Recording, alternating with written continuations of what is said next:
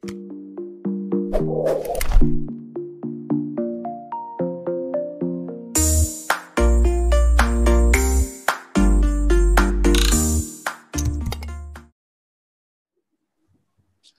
bahagia kerabat desa Indonesia. Kembali kita dalam forum kepoin desa. Kita kepo-kepo tentang desa, kita ngobrol-ngobrol tentang desa dan tokoh-tokoh desa. Dan kesempatan pagi ini luar biasa ada kawan kita yang sangat luar biasa, Mas Sabto Sabto Pamungkas. Oh, Pamungkas itu berarti jurus terakhir ini.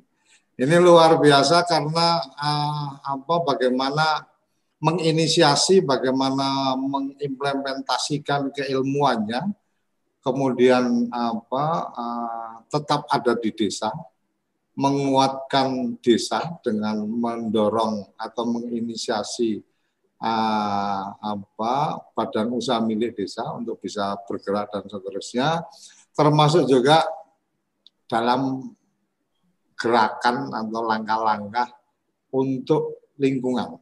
Ini sangat luar biasa. Sugeng Enjang Mas Sabto. Sugeng Enjang uh, Mas Koco. Alhamdulillah oh, iya. kita bertemu walaupun secara virtual ini Mas. Oh iya. Nah, zaman kekinian kita ketemu ngobrol-ngobrol ya pakai apa virtual-virtual cukup lah. Sampai ke Purworejo harus ada swab di kereta dan seterusnya repot loro ditusuk-tusuk eh. Gimana Purworejo aman? Aman, walaupun ya termasuk zona merah di sini. Tapi Oh, zona ya. merah berarti anu ya, tidak banyak tulan-tulan ya. Ya, Uh, Oke. Okay. Oke. Okay. Dengar kabar rumah mangrove. Wah, ini ngeri. Ini serius banget ini ngomongin lingkungan hidup, ngomongin mangrove dan seterusnya. Boleh berbagi cerita Mas Sabto untuk ke, ke teman-teman untuk jadi inspirasi desa-desa uh, di pantai mungkin untuk kemudian mengembangkan bisnisnya. Karena hari ini suka atau tidak suka desa harus kemudian punya kemampuan untuk apa uh, empowering uh, masyarakatnya, empowering aparatnya dan juga bagaimana membangun kekuatan ekonomi. Saya pikir ini menjadi sangat penting karena uh, desa sejahtera itu belum tentu mandiri.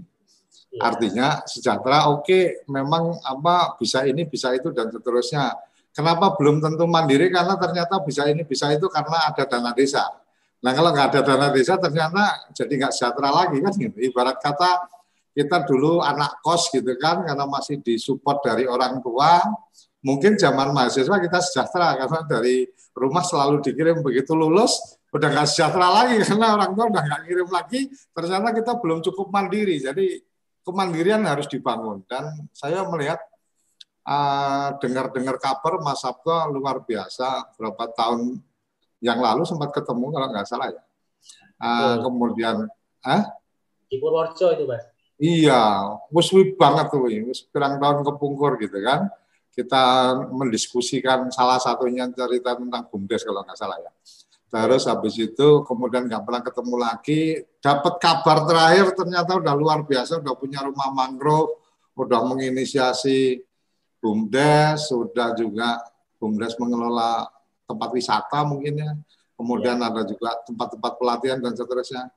Pagi ini aku pengen Mas Sabto berbagi cerita supaya bisa jadi inspirasi untuk teman-teman anak-anak muda kembali ke desa dan kemudian oh ternyata di desa everything oke okay, bisa bikin happy ya kan rambut juga nggak cepet putih gitu kan masih bisa asik-asik gitu kan ayo silakan Mas Sabto ya terima kasih Mas Koco uh, saya senang sekali ini bisa mendapat kesempatan untuk uh, ya sharing lah. Kita bukan menggurui atau apa. Apalagi kan ada super senior Mas Koco ini. Nah, dulu, dulu saya kenal desa itu ya gara-gara Mas Koco ada sebuah forum kecil, ada di Maiyah Purworejo itu terus bicara soal bumdes. Nah, bumdes itu apa sih? Ya, ternyata menarik bumdes. Seperti hmm. Mas Koco bilang tadi, kalau yang sejahtera belum tentu mandiri. Jadi kami sekarang di Purworejo juga sedang mengalami uh, ketar-ketir ketika nanti dana desa itu sampai kapan sih sebenarnya. Terus ketika desa sudah terenakkan, oh bisa membangun, bisa memperbaiki uh, sarana prasarananya, terus nanti kalau ketika dana desa ini berhenti misalkan atau pindah apa namanya pindah kebijakan, wah terus ini dari mana lagi? Nah, salah satunya ya desa harus bisa berusaha sendiri lewat mana? Lewat bumdes. Nah, kebetulan rumah mangrove ini uh, bergerak di desa sejak lima tahun yang lalu, mas. Jadi 2015. Hmm. Saya masih uh, ingat ketemu Mas Koco itu awal 2016 cerita soal bumdes. Terus saya pelajari, oh ternyata ini mungkin bisa jadi titik masuk kita ke desa. Karena rumah mangrove kan memang awalnya adalah organisasi penggerak lingkungan itu. Hmm. Nah, terus bagaimana melibatkan desa-desa supaya bisa tergerak dengan lingkungan, terutama lingkungan pesisir? Oh, masuknya lewat bumdes. Wah keren ini lewat bumdes. Bisa ternyata. Dan di bumdes itu sudah tersedia dana, dana desa. Hmm. Nah, semacam itu. Nah, sampai sekarang rumah mangrove keterusan Om. Jadi hmm. eh, kami Eh, rumah mangrove sekarang sudah mempunyai dua yayasan. Yang pertama adalah Kumangju Foundation. Ini sebuah hmm. yayasan untuk pelestarian dan pemberdayaan masyarakat pesisir. Jadi pelestarian mangrove dan pemberdayaan masyarakat pesisir. Itu di daerah pesisir kita pakai Kumangju Foundation. Terus ada lagi yayasan yang disebut sebagai Lembaga Pelatihan Desa Jambi Mule. Nah, menariknya Apa? Lembaga Pelatihan Desa Jambi Mule. Jambi? Nah, Jambe Mule. Jambe Mule, apa ke Jambe Mule? Jambe Mule itu nama punden desa. Jadi punden desanya namanya Mbah Jambe Mule. Nah, itu yang dijadikan oh, nama. Oke, oke. Nama bukan singkatan ya. Iya, bukan. bukan singkatan ya, tapi nama bukan. leluhur ya. ya sebenarnya ngeri, ngeri, ngeri. ini ini ini ini yang menarik adalah anak muda masih kemudian apa uh, menghormati nama-nama leluhur ini kan luar biasa buat aku. Biasa biasanya kalau bikin nama itu singkatan dari apa gitu kan, nama anak singkatan dari nama kita sama nama istri gitu kan. Ini sambil mulai makanya sambil mulai aku tanya ini uh, nama dari mana gitu kan. Tapi nama leluhur luar biasa diambil untuk jadi nama institusi. Lanjut lanjut itu tulen desa. Tapi ya kalau disingkat juga bisa Jaya, Mulia, Abadi itu semacam itu. Oh gitu ya. Ya, terus yang menarik LPD Jambi Mule ini kita bergerak di daerah DAS. Jadi kami sebenarnya adalah gerakan lingkungan yang mm -hmm. uh, terus mengarah ke desa, tidak mm -hmm. hanya di pesisir, yang meluas ke DAS. Karena lingkungan itu ketika kita bicara soal lingkungan pesisir, ternyata kita tidak bisa menyelesaikannya kalau hanya dari pesisir. Tidak ya, hanya betul. di hilirnya, tapi harus dari hulunya. Jadi ketika, ya, kita, ketika kita bicara soal lingkungan pesisir Bogowonto, Purworejo, maka kita harus lari juga ke dasnya. Nah, lembaga hmm. pelatihan desa Jambe ini untuk menggerakkan masyarakat desa yang ada di daerah aliran sungai atau yang ada di hulunya. Nah, kita sudah mendampingi beberapa bumdes, beberapa kelompok tani, masyarakat dan sebagainya.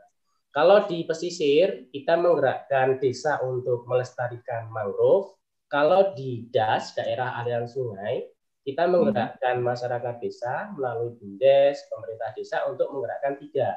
Yang pertama adalah kelanjang, budidaya madu. Terus yang kedua adalah vanili. Terus yang ketiga adalah kopi. Kenapa kok tiga itu dipilih. Madu, madu terus? Madu, kopi, vanili. Kopi, vanili. Ya, madu, kopi, vanili. Nah, Purworejo, Purworejo itu ada gunung, ada laut apa gimana? Vanili yang biasanya nah, di tempat tinggi, ya? Kopi kami tempat tinggi. Kami lengkap Om. Kami sampai ketinggian 900 mdpl. Oke, oke, oke, oke. Jadi kalau oke. memang alam alamnya memungkinkan untuk bermain dari laut sampai ke pegunungan ya, yang iya. di tengah-tengah itu apa eh, ketemu di kuali berarti ya. Kualinya rumah mangrove ya. Eh? Asam di gunung, garam di laut, ketemunya di iya. rumah mangrove. Lanjut, lanjut, lanjut. Nah. Semacam itu. Karena kita menjadi daerah eh, kalau misalkan dari BPBD bilang itu kita adalah supermarket bencana itu Purworejo hmm. itu Jadi ada tanah longsor, banjir, ya. keringan, sama bencana tsunami. Potensi tsunami kita ada. Jadi kita termasuk supermarket bencana. Kita kalau tidak salah nomor 18 secara nasional daerah kabupaten. Oh, karena pantainya pantai laut dalam ya? Ya, pantai selatan. Hmm. Pantai Samudra Hindia semacam itu. Hmm. Nah, terus kenapa kok kita pilih desa-desa itu? Karena masyarakat desa di lereng Menoreh atau di Das Bogowonto itu sudah ada pola perubahan tanam. Jadi yang dulu masyarakat kita di pegunungan itu menanam buah, menanam semacam durian, terus menanam aren, menanam duku dan sebagainya, beralih menjadi menanam albasia dan sengon. Sengon, hmm. albasia semacam itu. Dan itu yang menyebabkan eh, terbukti menyebabkan tanah longsor. Oh. Karena ketika albasia itu ditanam dalam satu kawasan, terus hmm. dipanen hmm. dalam satu waktu, maka dia akan uh, menimbulkan ketidakstabilan. Ya, ketidakstabilan ya. lereng. Padahal ya. kalau akar albasia itu ketika dipotong dia akan busuk sehingga menimbulkan lubang. Nah, lubang itu yang menyebabkan longsor. Tahun kemarin di Kali Gesing misalkan 21 desa, yang longsor itu 17. Jadi cuma empat yang tidak longsor. Dan dan longsornya aku pernah tahu itu di Purworejo itu ada longsor itu saat, apa bergerak satu kawasan besar gitu ya. ya jadi pas pas lewat dari situ berasa nggak ada nggak ada yang berubah. Jadi uh, musola masih ini, rumah masih ini, tapi ternyata yang bergeser itu satu satu kawasan luas yang pas di garis itu yang baru kelihatan oh ini bergerak. Nah, kayak ya, gitu. jadi pergerakan tanah secara masif, Om. Nah, pola oh, gitu. tanam itu pola tanam itu juga merubah e, membunuh tanaman buah, tanaman cengkih yang dulu waktu kekeringan mereka bisa hmm. bertahan. Hmm. Tapi setelah hmm. ada albasiah, karena albasiah ini sikapnya seperti kelapa sawit, dia rakus air, sehingga cengkih, terus duku dan sebagainya waktu musim kering harusnya dia bisa bertahan. Nah. Dan sekarang tidak. Kalah. Kalah. Kalah sama albasia yang apa? Nyerap airnya luar biasa itu. Iya, betul. Semacam itu. Jadi pola-pola itu harus diselesaikan secara sistematis. Nah, sistematisnya adalah mengubah pola tanam menjadi pola konservasi, budidaya konservasi. Ketika kita budidaya madu misalkan, madu kelanceng, nah. otomatis hmm uh, dia akan mempunyai mata pencaharian lain, tapi di selain hmm. itu dia harus menanam tanaman buah yang berbunga karena sebagai pakan madu pelancong itu. Nah, hmm. pelancong juga akan membantu budidaya tanaman buah karena dia membantu penyerbukan. Nah, jadi ini saling saling apa namanya? saling terkait dan saling menguntungkan. Kalau kelanceng itu apa? Kelanceng itu apa? Kelulut madu gelulut madu yang kecil-kecil, triguna namanya. Kan ada madu besar. Itu jenis lebahnya. Iya, jenis lebahnya. Oke, oke, oke, oke. Jenis oke. lebahnya pelanceng itu. Pelanceng itu. Ya. Hmm. Kalau madu apa namanya yang besar kan namanya ada apis, ada serana. Kalau ini jenisnya yang triguna, yang maksudnya kecil-kecil, stingless bee. Jadi madu eh tawon yang tidak menyengat. Oh gitu. Ya. Dan itu nilai ekonomis madunya? Jauh lebih tinggi Om. Karena kita 100 gram itu kita jual eh, tujuh puluh lima ribu sekarang. 100 gram. Oh itu yang lebahnya kecil-kecil itu? Iya betul. Yang warnanya hmm. hitam. Hmm, gitu. ya, ya, ya, ya, ya, ya. Terus ketika bicara soal kopi, kopi hmm. itu ternyata tahan 25 tahun. Jadi dulu kan kopi sempat jatuh harganya, Terus petani berubah menjadi petani akasia. Nah sekarang kita hmm. bangkitkan lagi. Selama dulu ditanam kopi itu Purworejo atau Menoreh belum pernah ada kejadian longsor.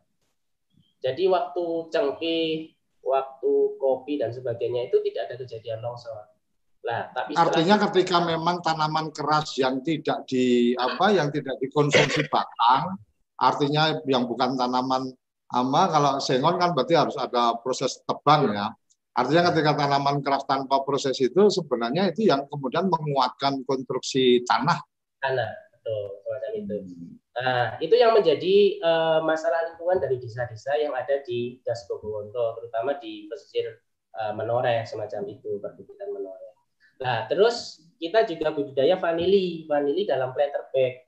Vanili itu kan sekarang emas hijau, benar-benar emas hijau. Satu kilogram ya. vanili sama dengan satu gram emas sampai 550 ribu, 500 ribu per kilogram basah. Lah, kenapa hmm. Pak masyarakat tidak mau tidak tertarik dengan hal itu? Karena ada pencurian biasanya.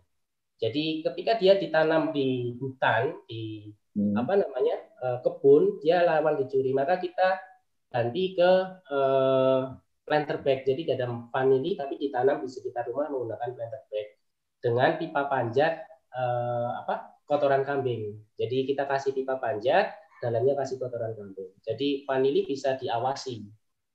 Nah, oh berarti sekarang sekarang tanam vanili di sekitar rumah. Sekitar rumah semacam itu. Karena kalau dulu kan yang paling yang paling mahal itu kan biaya pengamanan tuh kalau perkebunan vanili.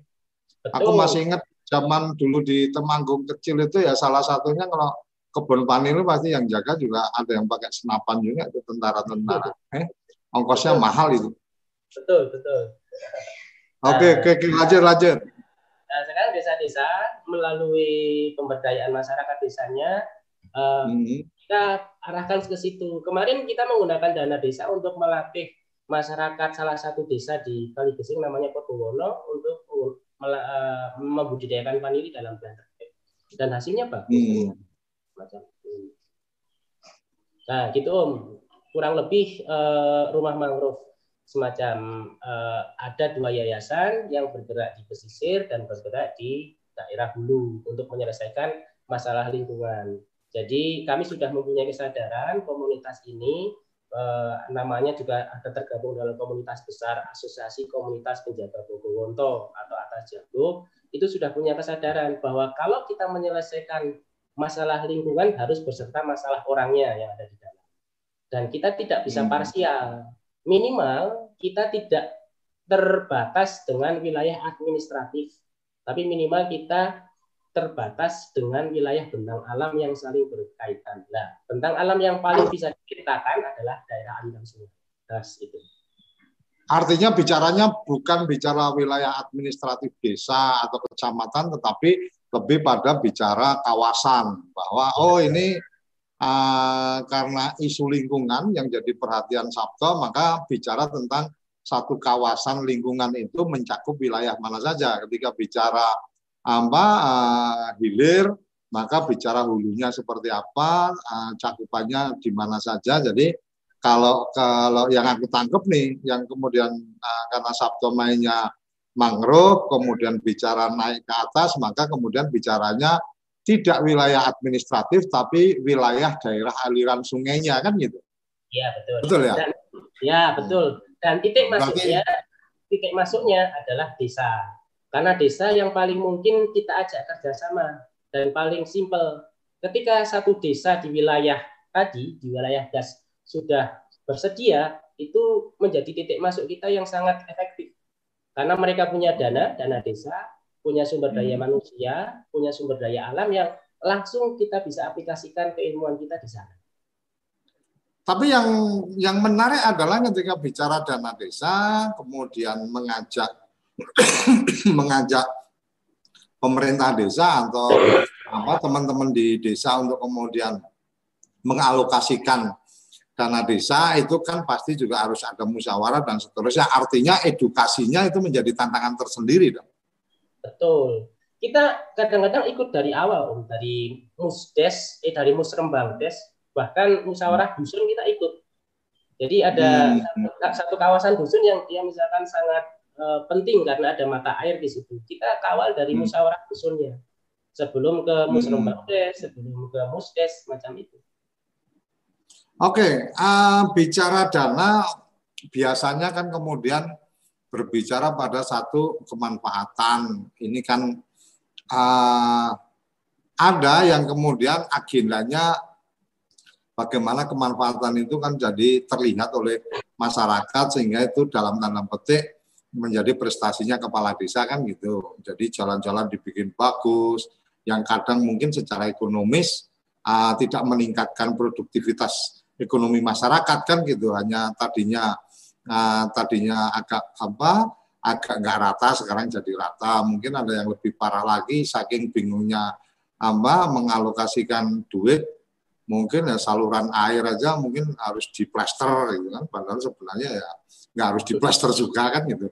Nah uh, kemudian membawa ke bumdes ini menarik menurut aku. Ketika kamu uh, uh, tadi di depan menyampaikan oh bumdes menjadi pintu masuk kemudian uh, bagaimana melakukan sinergitas. Walaupun apa itu salah satu bagian yang waktu itu kita pernah sampaikan bagaimana tentang ayo apa uh, me, apa mengoptimalkan bumdes. Karena bumdes sendiri kan bisa juga uh, bersinergi ini dengan pihak luar, pihak ketiga, mau masyarakat kah, mau PT, mau apa dan seterusnya.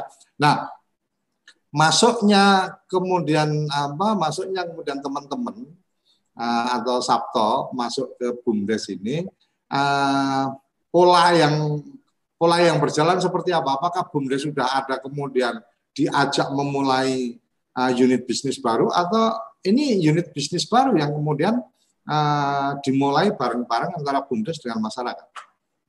Ya, ya menarik sekali. Uh, tadi saya bilang bahwa BUMDes, pemerintah desa atau penyelenggara desa lah baik Darwis atau Karang Taruna atau uh, kelompok tani dan sebagainya sebagai titik masuk kami itu benar.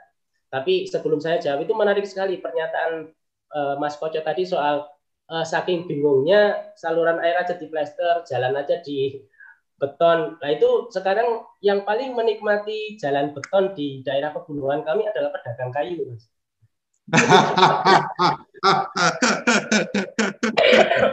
Jadi, ar, ar, ar, ar, artinya artinya truk yang ngangkut nggak perlu khawatir selip gitu ya. Hujan-hujan untuk bisa jalan untuk menghabisi hutan gitu ya. Truknya sudah lanjut, bisa, lanjut, lanjut.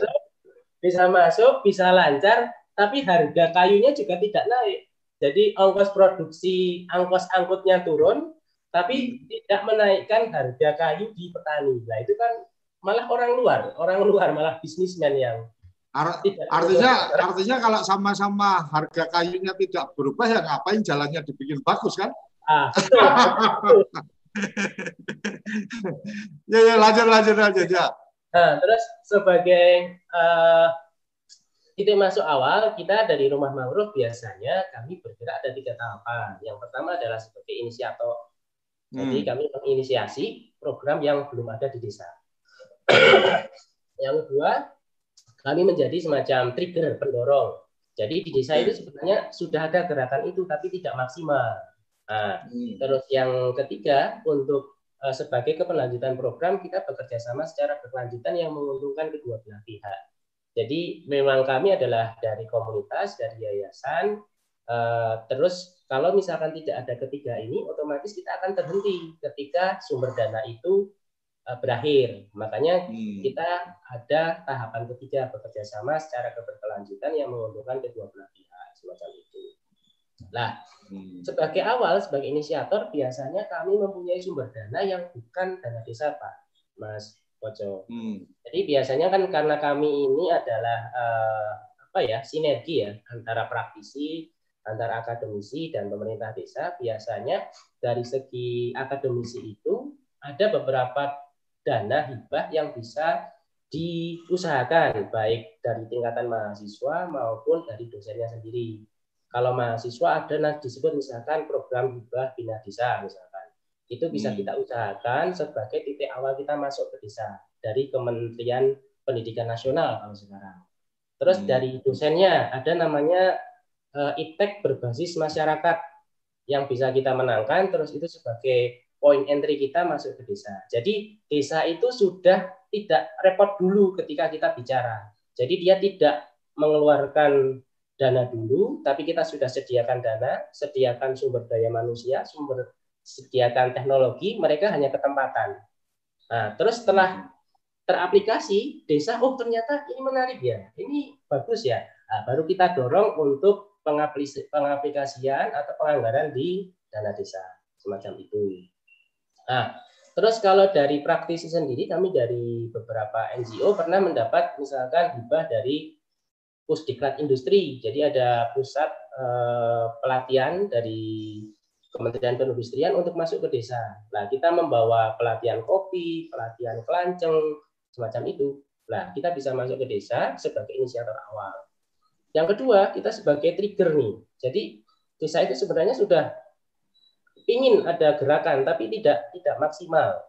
Tidak maksimal. Nah, kita dorong untuk memaksimalkan gerakan itu. Misalkan ingin buat desa wisata, tapi kok desa wisatanya macet kita adakan festival misalkan seperti di Festival Boboonto itu kami dan teman-teman atas jago asosiasi komunitas penjaga Boboonto yang mengadakan. Akhirnya desa bergerak. Oh, desa menjadi terkenal, ada desa wisata dan sebagainya. Nah, berkelanjutannya, nah ini misalkan kalau secara berkelanjutan berarti ada usaha yang dilakukan setelah program itu selesai. Misalkan di Omah Kelanceng, kita hmm. pernah menginisiasi budidaya kelanceng di Desa Jelok, Kali Besing ada namanya Oceng, Omah Kelanceng. Bisa klik di eh, YouTube dan sebagainya, itu sudah sangat berkembang. Nah, seharusnya pola kerjasamanya adalah eh, kita dan Omah Kelanceng mengadakan pelatihan bersama, itu semacam itu. Terus kalau di PEM Demang Gedi, karena dulu ada desa mangrove Gedangan Purwodadi itu di daerah pesisir, kita menjadikan salah satu sentra taman edukasi mangrove kita mendapatkan eh, lima persen dari saham saham. Jadi Bumdes dia menjual saham kepada masyarakat 40 persen lembar, 40 persen untuk masyarakat, 60 persen dibeli desa. Nah, itu kita dapat lima persen sebagai kepemilikan karena kita menginisiasi juga membantu program untuk menjadi Taman Edukasi Mangrove Demak. Berarti nah, berarti di saham itu ada 100 persen, 60 persen itu punya desa, kemudian 35 persen uh, masyarakat umum, 5 persen teman-teman komunitas. Iya, komunitas. Karena kami yang menginisiasi dan mendatangkan uh, dana pertama kali di situ. Arti artinya aku menangkapnya sekarang adalah bahwa akan menjadi lebih simpel, lebih sederhana atau lebih memudahkan ketika mengajak desa untuk kemudian bahasa, bahasa kamu tadi menginisiasi atau menjadi trigger untuk satu apa eh, kebangkitan ekonomi berbasiskan bumdes itu uh, menjadi lebih simpel adalah manakala uh, kita masuk itu tidak kemudian dengan serta merta mengajak mereka untuk berinvestasi, tetapi kita sudah membawa sesuatu dulu, kemudian dia merasakan, baru diajak uh, memulai untuk membuat dan seterusnya. Kira-kira itu kan? Iya, setahu saya masyarakat desa itu lihat buktinya bisa. Maksudnya lihat buktinya dulu, lihat buktinya dulu baru hmm. dia tidak usah kita ajak banyak bicara, tidak usah banyak diskusi. Mas Iki, kalau misalkan ingin seperti ini, ayo kita kerjakan bersama-sama. Mereka sudah lihat nyatanya, oh ternyata menarik ini. Dan pemerintah artinya memang artinya memang karakter karakteristik desa masih belum berubah ya. Artinya artinya yang saya yang saya tangkap adalah ketika dulu dulu gue berarti wis wis banget ya, wis wis saya wis duwe wis duwe anak wis gede gitu kan. Dulu zaman kuliah itu saya masih ingat uh, bahwa kalau berhubungan dengan masyarakat di desa apa di desa itu kita mesti membawa pemik apa berpegang pada pemikiran bahwa dia itu percaya kalau sudah melihat. Kalau kita ini bukan karena melihat baru percaya, tapi kita punya kepercayaan dulu bahwa kita bisa melihat. Jadi bedanya apa? Bedanya teman-teman akademisi atau teman-teman pemikir itu mempercayai dulu bahwa ini kita bisa bisa seperti ini. Itu kita percaya baru kita mengusahakan untuk bisa melihat itu. Kan gitu. Ya, oh di di sini bisa jadi objek wisata yang luar biasa itu belum barangnya belum ada tapi kita punya apa kita percaya dulu bahwa itu bisa baru kita mengusahakan dan itu akan jadi tempat wisata dan seterusnya. Tapi kalau masyarakat di desa kata dosen saya dia bilang dia harus ditunjukkan dulu kalau mau taruh kata nih oke okay, dia nggak akan percaya kalau wortel itu apa bisa uh, gedenya dua kali lipat yang sekarang itu dia nggak akan percaya. Tapi kalau kamu tanam, kemudian pas nanam kamu ajak mereka lihat, pas panen kamu ajak mereka lihat dan seterusnya, dia baru percaya oh ternyata ada yang bisa segede itu. Artinya karakter itu masih berjalan sampai hari ini kan Sabta? kalau yang saya alami uh, sebagian iya, tapi ada okay. uh, personal-personal desa yang dia juga langsung menanggap dan sudah berkarakter sebagai seorang pemikir, mas. Hmm. Jadi kan, kalau secara umum dan kebetulan kan uh, yang saya temui biasanya lurahnya juga dia adalah lurah-lurah muda. Lurah-lurah? Muda, muda. Oh, yang maksudnya artinya bisa bisa diajak mikir maju ya? Iya, jadi dalam artian lurah-lurah tersebut ketika dia sudah memegang tampuk kepemimpinan terus didorong oleh perangkat-perangkat desa yang baru dalam artian dia perangkat-perangkat desa yang masih muda, fresh, terus mempunyai latar belakang pendidikan yang cukup, itu cepat sekali desa dalam merespon kami. Hmm. Hmm, tapi ya mohon maaf kalau misalkan lurahnya adalah lurah yang kuno, maksudnya dalam sebagian, walaupun itu juga masih mempunyai nilai tambah, maksudnya ada kebijaksanaan di situ, ada pengertian terhadap masyarakat desa yang jauh lebih mendalam, saya lihatnya semacam itu. Tapi ketika kita bekerja sama dengan lurah-lurah yang progresif, biasanya mereka adalah lurah-lurah yang baru terpilih dengan latar belakang pengalaman dan pendidikan yang cukup, dia akan cepat sekali merespon. Bahkan kami yang dikejar, bukan bukan kami yang uh, mendorong, malah kami yang ditarik. Ayo mas ini seperti apa gini, seperti itu. Bahkan tanpa kami minta pun mereka sudah menyediakan ada alokasi segini tolong dibantu bagaimana biar ini pemberdayaan atau eh, pembinaan masyarakat desa ini bisa maksimal. Mereka langsung sudah mengalokasikan dana desa itu. Itu yang hmm. kami temui di lapangan. Dan kebanyakan Arti, artinya artinya uh, mereka-mereka yang fresh, yang hmm. baru terpilih, kemudian mereka-mereka yang uh, apa mungkin usianya usia-usia muda bukan bukan umur-umur kolonial itu jadi lebih gampang untuk kamu masuk ya. saya, saya tidak mengatakan itu, saya tidak mengatakan eh? Eh? bukan bukan kolonial dan milenial kan gitu. Artinya dalam dalam cara berpikir ya, dalam cara berpikir kita kita nggak mesti ngomong umur dong. Artinya kan bisa karena kan kalau bicara bicara umur itu tua udah pasti, tapi kalau bicara kedewasaan, keterbukaan itu kan pilihan kan gitu. Eh? Oke, okay, eh, so, Sabto dan teman-teman yang mengikuti acara ini di uh, siaran uh, TV kita, silakan kalau ada yang ingin ditanyakan bisa WA ke 083 kali 01317160 silakan nama kirim pertanyaan. Kalau ingin bergabung di Zoom meeting kita nanti dari uh, kiriman WA ke official kami nanti kami akan kirim link untuk bisa bergabung dan uh, ngobrol langsung sama Mas Sabto. Sementara uh, tahan dulu Sabto kita akan lanjut lagi setelah yang satu ini. Jangan ke mana-mana, tetap di Kepoin Desa. Kamu tinggal di pulau terpencil, pegunungan pinggiran kota, atau daerah di Indonesia yang tidak terjangkau jaringan fiber, ADSL, dan juga 3G. Internetan dengan cepat pasti cuma akan menjadi mimpi. Mau pakai tol langit, pakai desa wifi, kunjungi www.desawifi.id. Ayo, kandidat kepala daerah, manfaatkan kesempatan ini TV Desa mengundang Anda bicara desa. 5 menit bisa. Bicara Desa. Sebuah program tayangan monolog. Konsep membangun dari desa. Dari kandidat untuk masyarakat. 5 menit bisa. Bicara Desa. Hanya di TV Desa.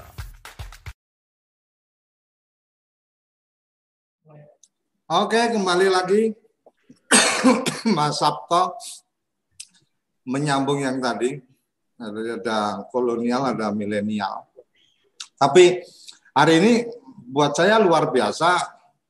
Anak muda masih mau tinggal di desa walaupun aku juga nggak yakin apa Sabto terlalu terlalu di desa tapi desa-desa kota lah. Artinya artinya artinya ling, lingkungannya atau tempat tinggalnya mungkin masih tetap di sekitaran kota cuma aktivitasnya ke desa-desa kan gitu. Hah? Hah? ya kan? Cuma cuma lu cuma setidaknya tidak berpikir untuk ada di Jakarta itu udah udah bagus lah tidak memenuhi ibu kota. Tapi kalau ibu kota nanti pindah bolehlah memenuhi ibu kota yang baru. Oke, Pak, balik ke yang tadi. Terus sekarang yang bisnis dengan BUMDes itu bisnis taman edukasi objek wisata atau atau apa ini? Boleh dibagi cerita? Ya, jadi ada kalau di kasus kami di Desa Gedangan, Desa Gedangan itu salah satu desa di Kecamatan Purwodadi Kabupaten Purworejo, dia berjarak hanya sekitar uh, eh, 15 menit dari Bandara Jogja yang baru, New Yogyakarta International Airport. Itu cuma 15 menit. Jadi hmm. di, di tempat kami itu sangat menarik karena setiap hari itu ada 82 kali penerbangan. 82 kali penerbangan kalau sudah penuh dan pesawat itu tingginya hanya sekitar 30 sampai 40 meter. Jadi waktu hmm itu menjadi salah satu daya tarik atau objek uh, wisata yang kami punya. Jadi banyak uh, sekarang masyarakat sore hari berkumpul hanya sekedar untuk melihat oh kalau pesawat landing itu seperti apa sambil fotoria semacam itu. Nah itu hmm. dulu tidak terbayang.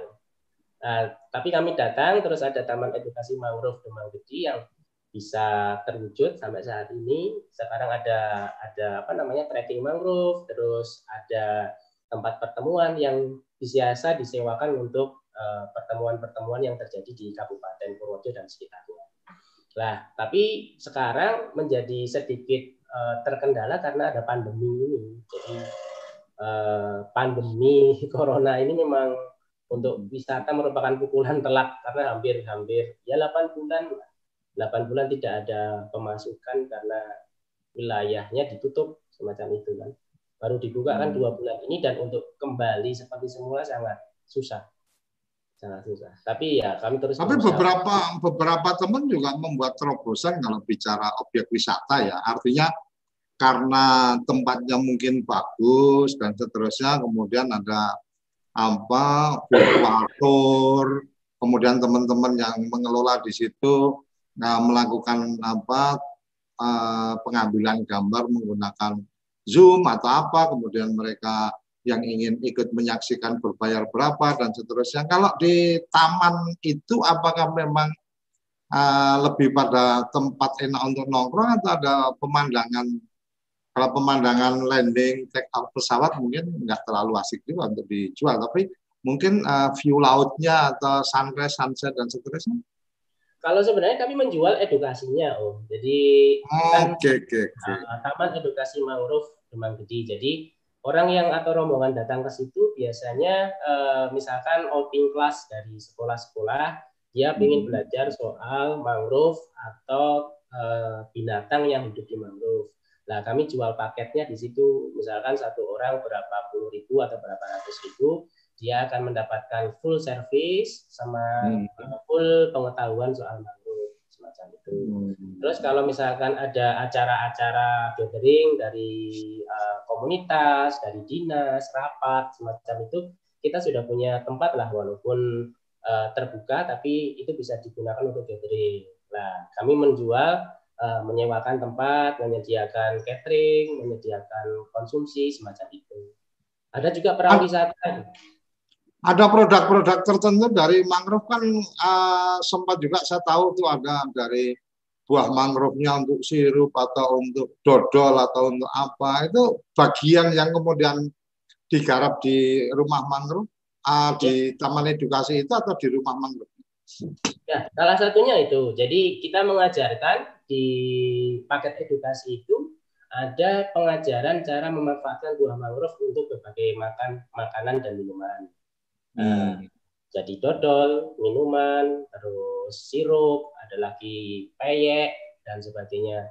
Juga binatang-binatang mangrove yang dia sebenarnya jarang diketahui untuk bisa dikonsumsi, tapi ternyata bisa dikonsumsi. Misalkan kayak turret cell, itu kayak sumpil kalau di tempat kami namanya. Apa? Turret cell. Jadi uh, uh, apa ya namanya ya gastropoda yang berbentuk seperti trompet. Uh -huh. Nah itu, itu kan biasanya tidak dimanfaatkan sebagai makanan, tapi bisa hmm. kami olah menjadi makanan. Hal-hal semacam hmm. itu ajarkan. Jadi Oh yang itu ya, yang yang dulu lambangnya Pertamina zaman kuno itu ya? itu bintang tiga laut. Udah oh, lain lagi. Lain lagi. lain lagi, lain lagi. Lain lagi, lain lagi. Lain lagi. Oh, Jadi okay. banyak yang tidak mengenal sumber pangan, sumber hmm. keanekaragaman makanan di pesisir kita kenalkan. Ternyata kalau misalkan kita manfaatkan sekitar, kita nggak usah perlu impor pangan sebenarnya, karena pesisir itu gudangnya makanan. Wih, ngeri. Iya, seperti mangrove itu kan dulu kan bisa dimanfaatkan sebagai tepung, padi, terus bisa dimanfaatkan sebagai dodol, sumber makan. Batang batang mangrove-nya? Buah. Atau buahnya? Buah mangrove. Yang buah jadi tepung? Tepung. Oke, oke, ya. oke. Terus bisa Terus, di di taman edukasi itu yang yang lain menarik apa? Mungkin ada binatang apa penyu atau kerang atau kepiting atau apa yang kemudian itu jadi daya tarik kalau penyu itu di pesisir Purworejo, Om. Jadi di pesisir Purworejo itu mengapa kita konsen sekali? Karena hmm. empat jenis penyu itu mendarat di pesisir Purworejo.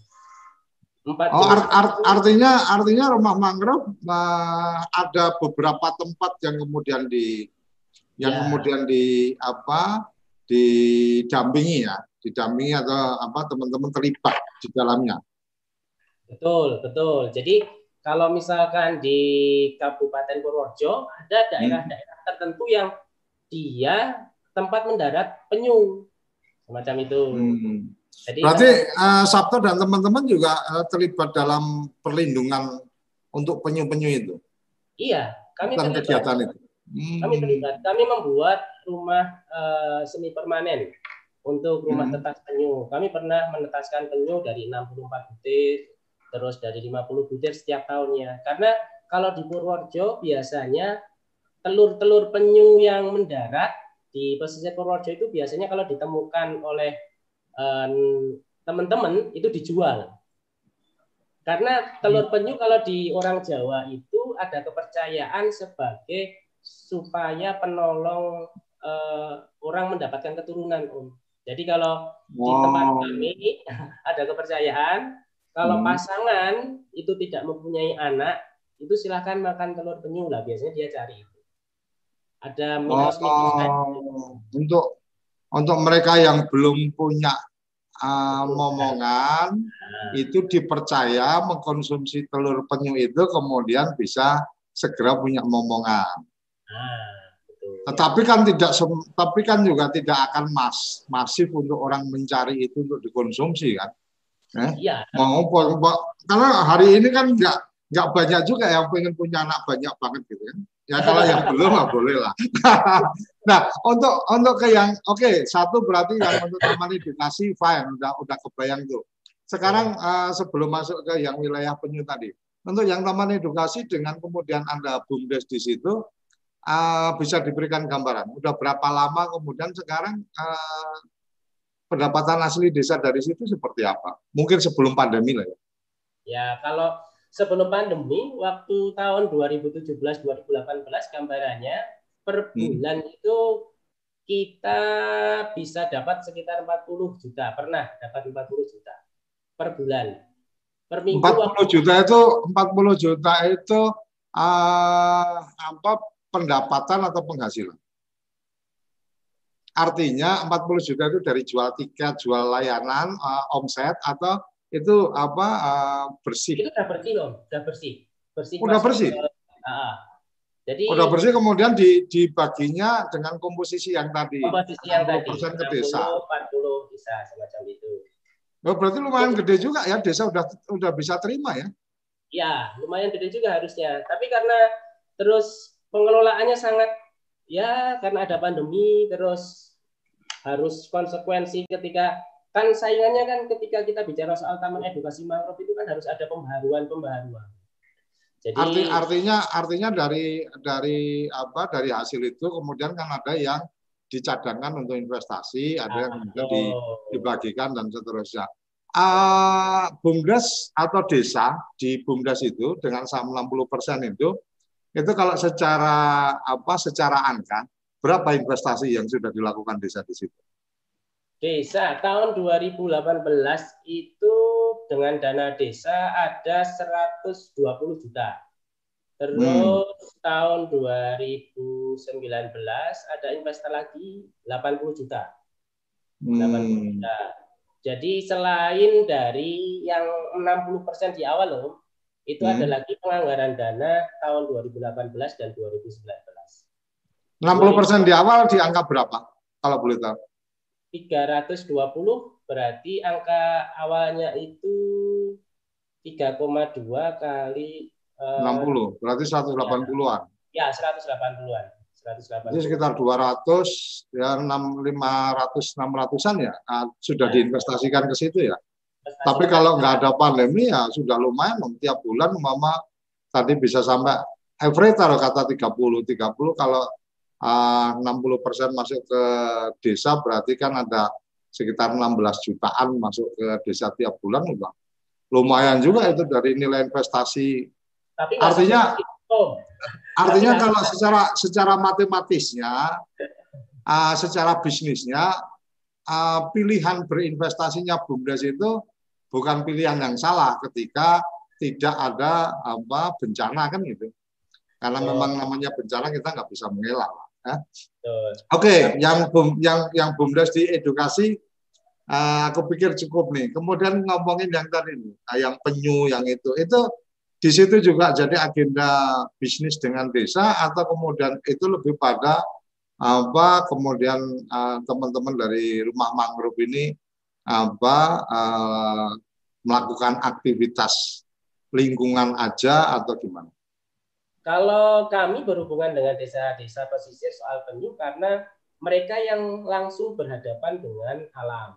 Jadi hmm. informasi hmm. misalkan kami itu kan e, mendapat masalah ketika ada misalkan penyu yang tersangkut jaring, Hmm. tersangkut jaring atau terpancing. Hmm. Biasanya penyu dalam keadaan mati jadinya. Nah itu kita biasanya langsung ditelepon sama BKSDA Jawa Tengah. Oh penyu, hmm. mereka langsung laporan, nah, menunjukkan apa namanya, ada cek lapangan dan sebagainya. Kemarin sekitar dua minggu lalu ada uh, hiu tutul yang mati dan terdampar di pantai kami. Jadi hmm.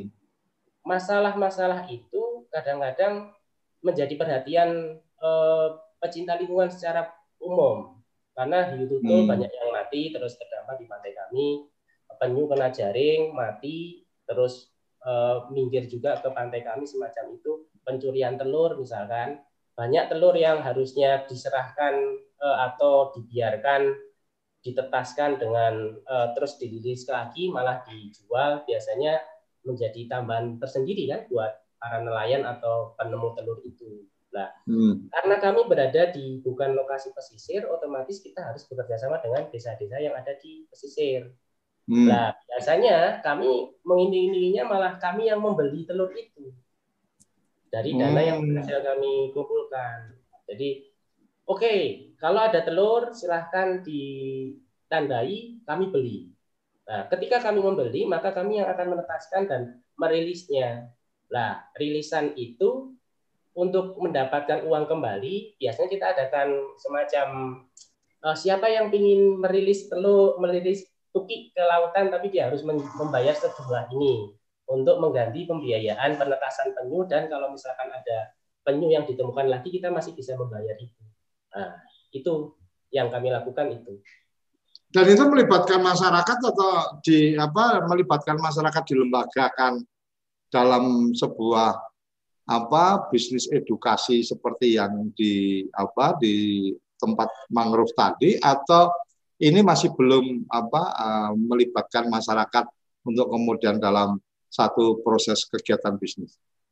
Kita ada namanya Pokmaswas, Om. Jadi kelompok hmm. pengawas masyarakat. Tidak itu hmm. bentukan dari uh, Kementerian Kelautan Perikanan yang ada di desa-desa pesisir.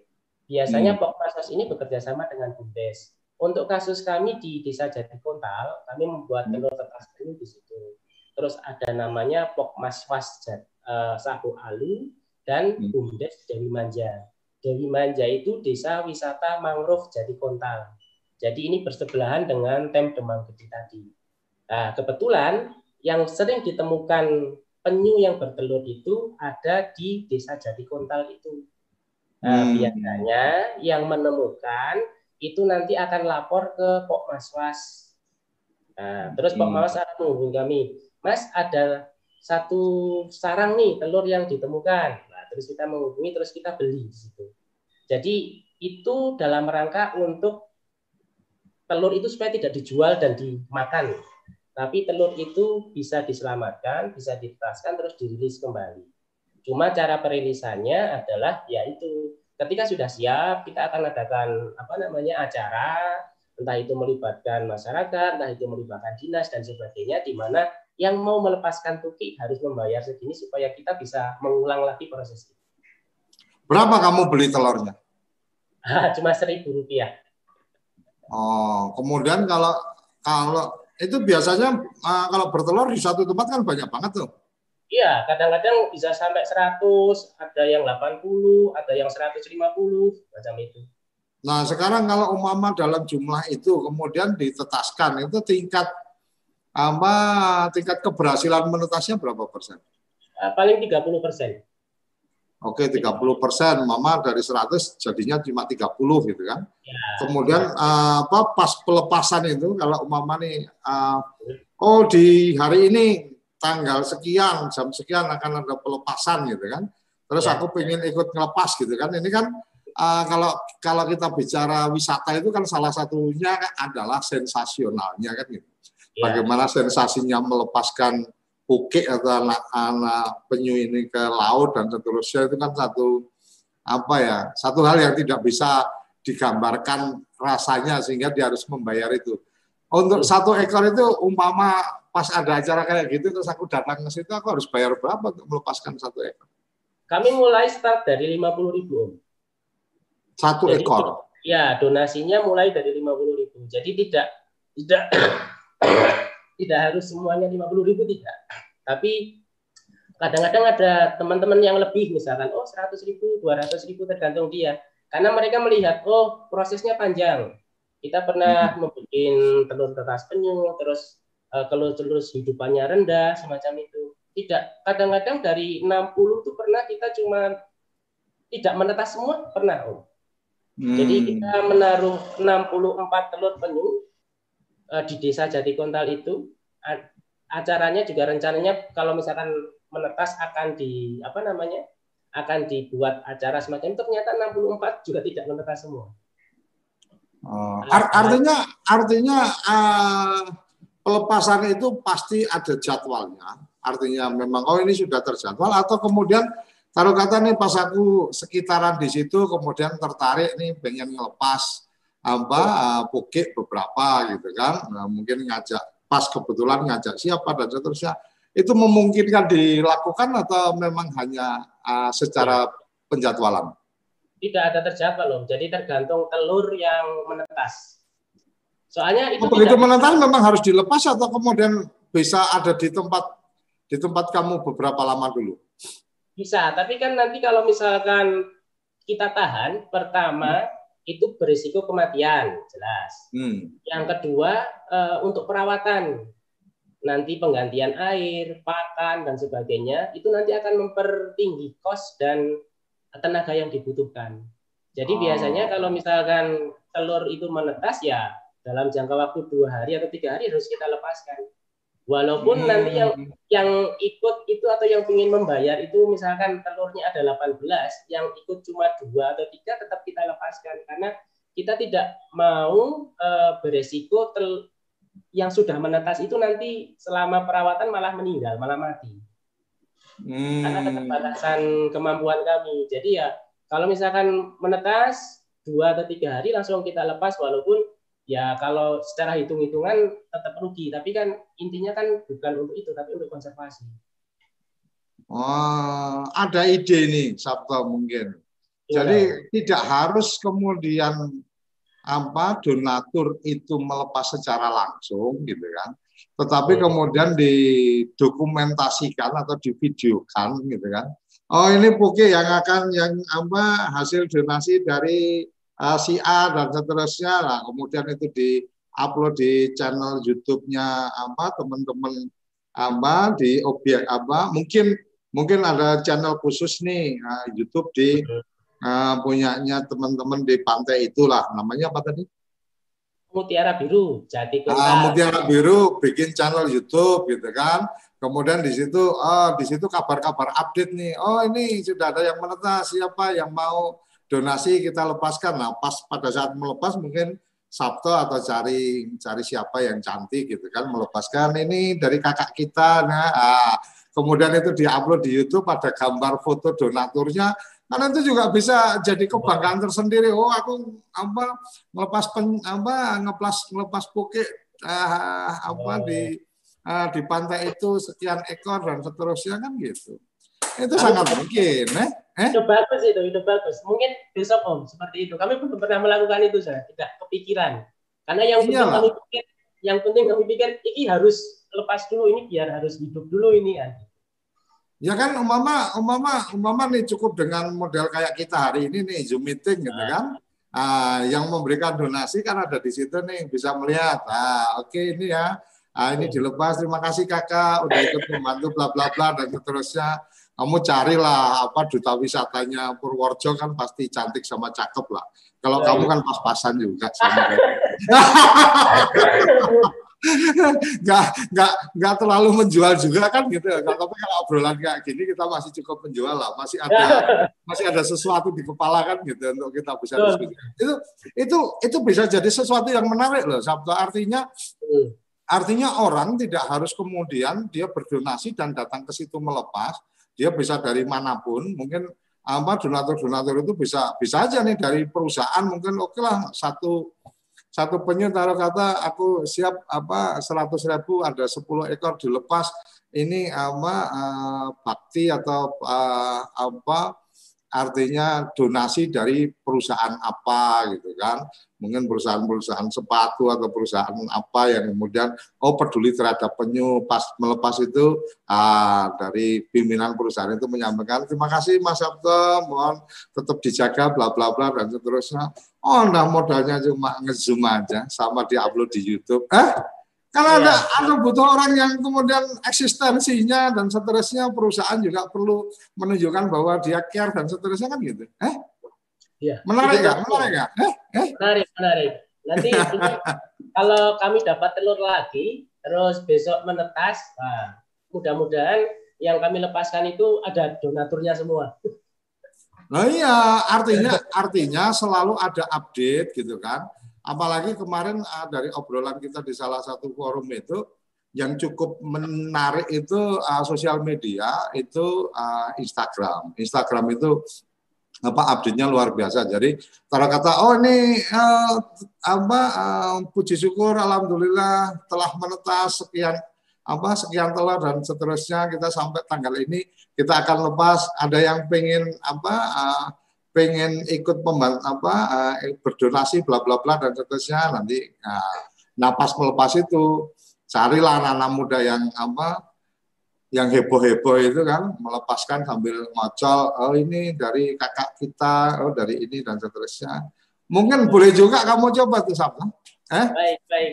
Itu bagus oke okay, Sabtu tanpa terasa walaupun nggak ada yang ikut nimbrung ngobrol apa di chat juga beberapa ikut hanya ikut menyimak, tapi saya melihatnya uh, kenapa tidak banyak yang memberikan komentar karena sudah cukup apa sudah cukup menarik obrolan kita untuk kemudian teman-teman mendapatkan ide, inspirasi dan seterusnya. Tanpa terasa sudah satu jam kita ngobrol.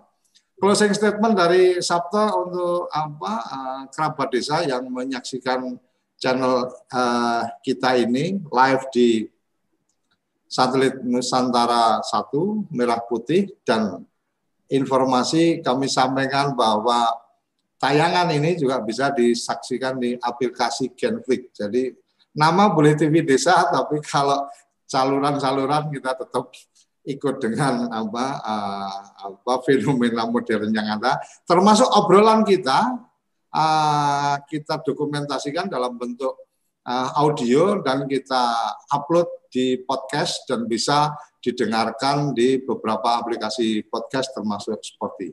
Silakan, Sabto. Ya, bagi saya sebagai closing statement, eh, desa adalah eh, lebih senior daripada Indonesia. Jadi Indonesia adalah bagian dari desa saya. Maka selalu tidak ada kata uh, lain bagi para penggiat desa, bagi para pemuda-pemuda yang mau bergerak di desa tidak teriming-iming dengan gemerlapnya kota selain kata luar biasa. Oke, terima kasih Samto untuk waktunya, untuk paginya yang sudah terganggu dengan acara kita Kepoin Desa, Kepo-kepo tentang desa, membawa semangat, oke, membawa semangat memuliakan desa-desa Indonesia. Kita akan terus kepo-kepo tentang desa di acara Kepoin Desa. Sampai jumpa besok pagi. Kita akan hadir uh, mulai September ini uh, lebih awal dari jam 8 sampai jam 9 dari Senin sampai Jumat. Sampai jumpa episode berikutnya. Salam bahagia kerabat desa Indonesia.